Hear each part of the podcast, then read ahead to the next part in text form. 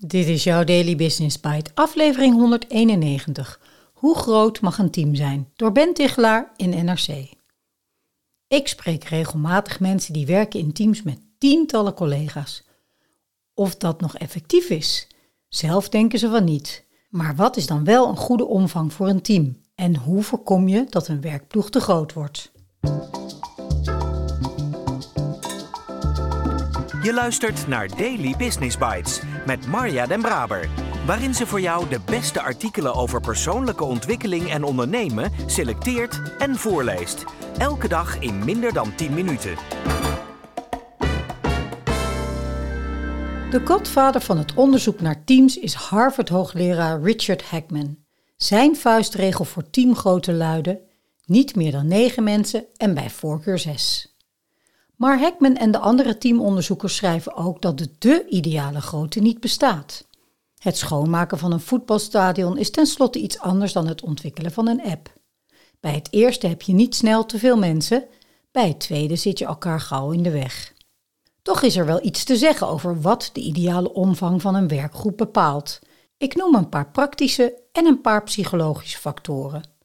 De praktische overwegingen. Hoe groter een team, des te complexer de onderlinge communicatie.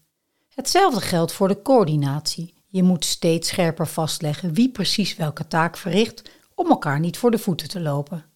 Ook belangrijk, iedere klus kent een teamgrootte waarboven het al maar moeilijker wordt nog iets nuttigs bij te dragen. Je komt bijvoorbeeld niet meer aan het woord in een vergadering. Of achter elke stuurknuppel van het vliegtuig zit al iemand.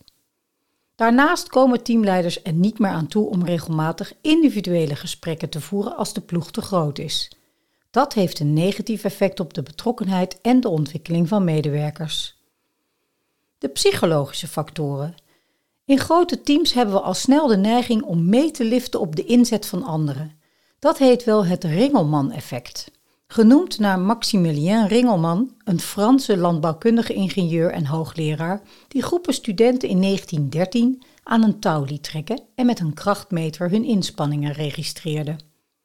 Hij stelde onder meer vast dat een groep van acht mannen niet acht keer zoveel kracht leverde als één, maar minder dan vier keer zoveel.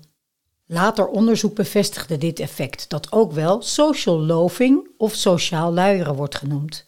Een ander psychologisch effect dat optreedt als de teamgrootte toeneemt is relational loss of relationeel verlies. Als teamlid ervaar je dat de ondersteuning die je krijgt van collega's en managers, met name bij problemen en andere stressvolle zaken, afneemt naarmate het team groter wordt. Dit leidt tot minder inzet. Kortom, klein is fijn als het om teams gaat. Dat vermoeden had je al en onderzoek bevestigt dit. Meerdere onderzoekers signaleren echter dat we de neiging hebben onze teams te groot te maken, vaak uit angst onze doelen niet te halen. Tips: hoe kom je tegemoet aan die onzekerheid en hou je je team toch klein? De Duitse onderzoeker Martin Heugel heeft een paar praktische suggesties. Hij zegt: deel grote taken of projecten op in onderdelen die per stuk door kleine teams worden uitgevoerd. Wijs daarnaast binnen of buiten deze ploegen mensen aan die zorg dragen voor de onderlinge coördinatie. Ook handig, stel een zo klein mogelijk kernteam samen en voeg daar af en toe, alleen wanneer dat nodig is, tijdelijk experts of adviseurs aan toe. Daily Business Bites met Marja Den Braber. Je luisterde naar Hoe groot mag een team zijn door Ben Tichelaar. Sociaal luieren en relationeel verlies interessante onderzoeken en termen waar jij als teamleider jouw voordeel mee kan doen. De allerlaatste zin uit de column van Ben was eigenlijk waar ik ook naar op zoek was.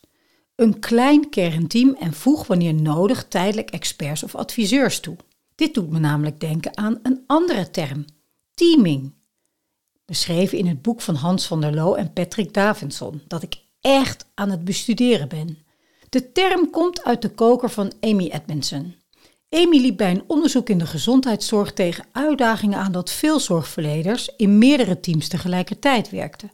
Haar mentor gaf aan: vergeet teams, het gaat om teamvorming.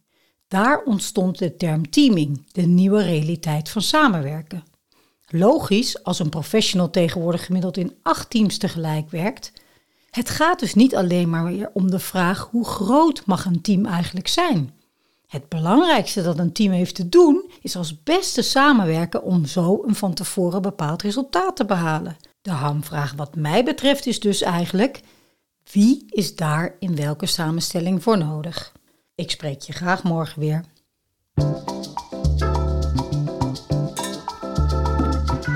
Dit was Daily Business Bites. Wil je vaker voorgelezen worden? Abonneer je dan op de podcast in je favoriete podcast-app. Meer weten? Klik op de links in de show notes.